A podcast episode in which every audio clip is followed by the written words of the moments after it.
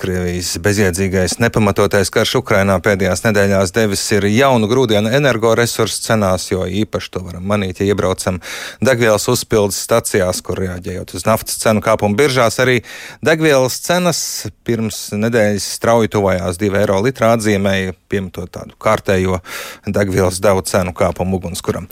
Ir valsts, kur valdības strauji reaģējušas, mazinot akcijas nodokli, par to vairāk pastāstīsim pēc stundas, kā notiek citās valstīs, bet šajā brīdī esmu sazinājies ekonomikas ministrijas parlamentāro sekretāri Ilzi Indriksonu. Labrīt! Labrīt! Vakar enerģētikas drošības darba grupā tika pārnāts iespējas, ko Latvija var, grib darīt, lai mazinātu degvielu cenu kāpumu ietekmi iedzīvotājiem un tautsēmniecībai kopumā. Izdomājāt? Mēs iepriekš bijām izdomājuši dažādas iespējas un vērtējuši variantus no ekonomikas ministrijas skatu punkta. Un vakar kopīgi apspriedām ne tikai šīs degvielas cenu kāpumu tieši degvielas uh, sektorā, bet arī uh, risinājām jautājumus par to, kā tas ietekmēs kopējo tautsēmniecību un cenu kāpumu tiešā vai netiešā pastarpinātā veidā ļoti daudzās citās jomās, un tas ir tas satraucošākais, ka pie esošā citu energoresursu sadārdzinājuma arī šis vēl plusosies klāt, un tas varētu novest ne tikai pie degvielas sadārdzinājumu, bet arī pie sadārdzinājumu tieši mājsaimniecībām uzņēmējiem kopumā daudz lielāku cenu kāpumu. Vienojāties tad, ko darīt?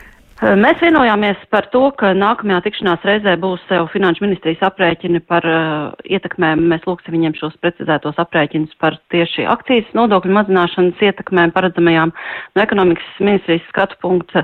Uh, mūsu paredzētā ietekme, ja to darītu šobrīd līdz gada beigām, būtu ap 100 miljoniem eiro Bet ņemot vērā sadārdzinājumu, un ja tas turpinātos, tad ienākumu pievienotās vērtības nodokļu sadaļā to lielā mērā varētu nosekt, un tas nebūtu vairs tik liels fiskāls efekts.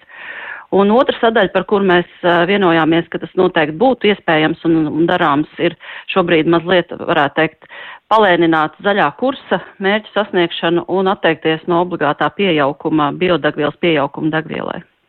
Bet tur ir cita lieta. Tur ir tāda lieta, ka to nevar izdarīt momentā, jo līguma ir noslēgta, degviela tiek sagatavota iepriekš. To nevar izdarīt rīt uz pusdienu. Kā kuram tirgotājiem, jā, bet, uh, bet Finanšu ministrija un saimta taču jau bija pret akcijas samazināšanu. Tas nebija finanšu ministrijas pret tajā brīdī, kā, kā viņi uzskata.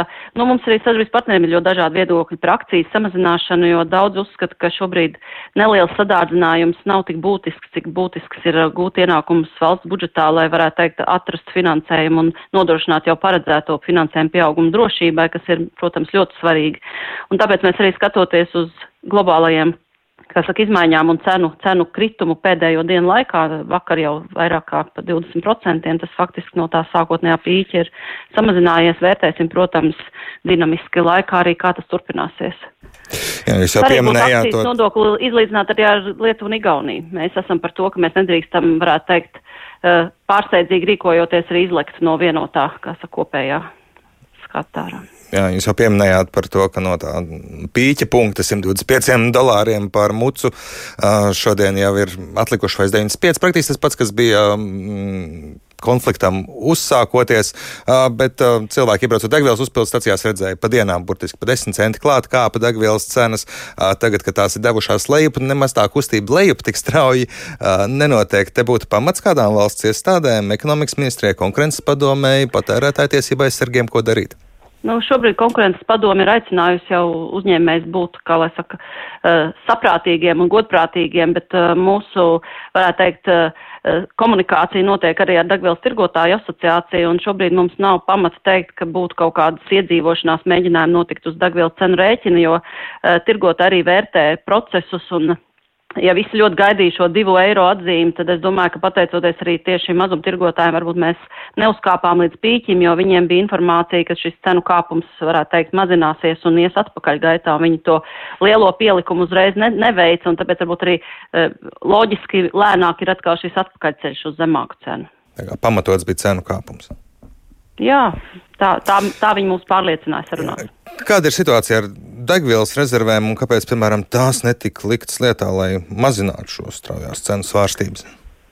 Nu, degvielas rezerves eh, nav domāts, lai cenu svārstības uh, mazinātu. Degvielas rezerves ir situācijā, ko mēs arī vakar pārnājām, uh, tieši drošības situācijā, ja pēkšņi palielinoties sankcijām un no, nokļūstot sankcijās uzņēmumiem, un arī, kā lai saka, ja Eiropa izvēlēsies nepirkt vairs degvielu no Krievijas un Baltkrievijas puses, tad faktiski mums būtu jānodrošinās ar to, lai mēs varam tautsēmniecību nodrošināt ar degvielu paredzētās 90 dienas.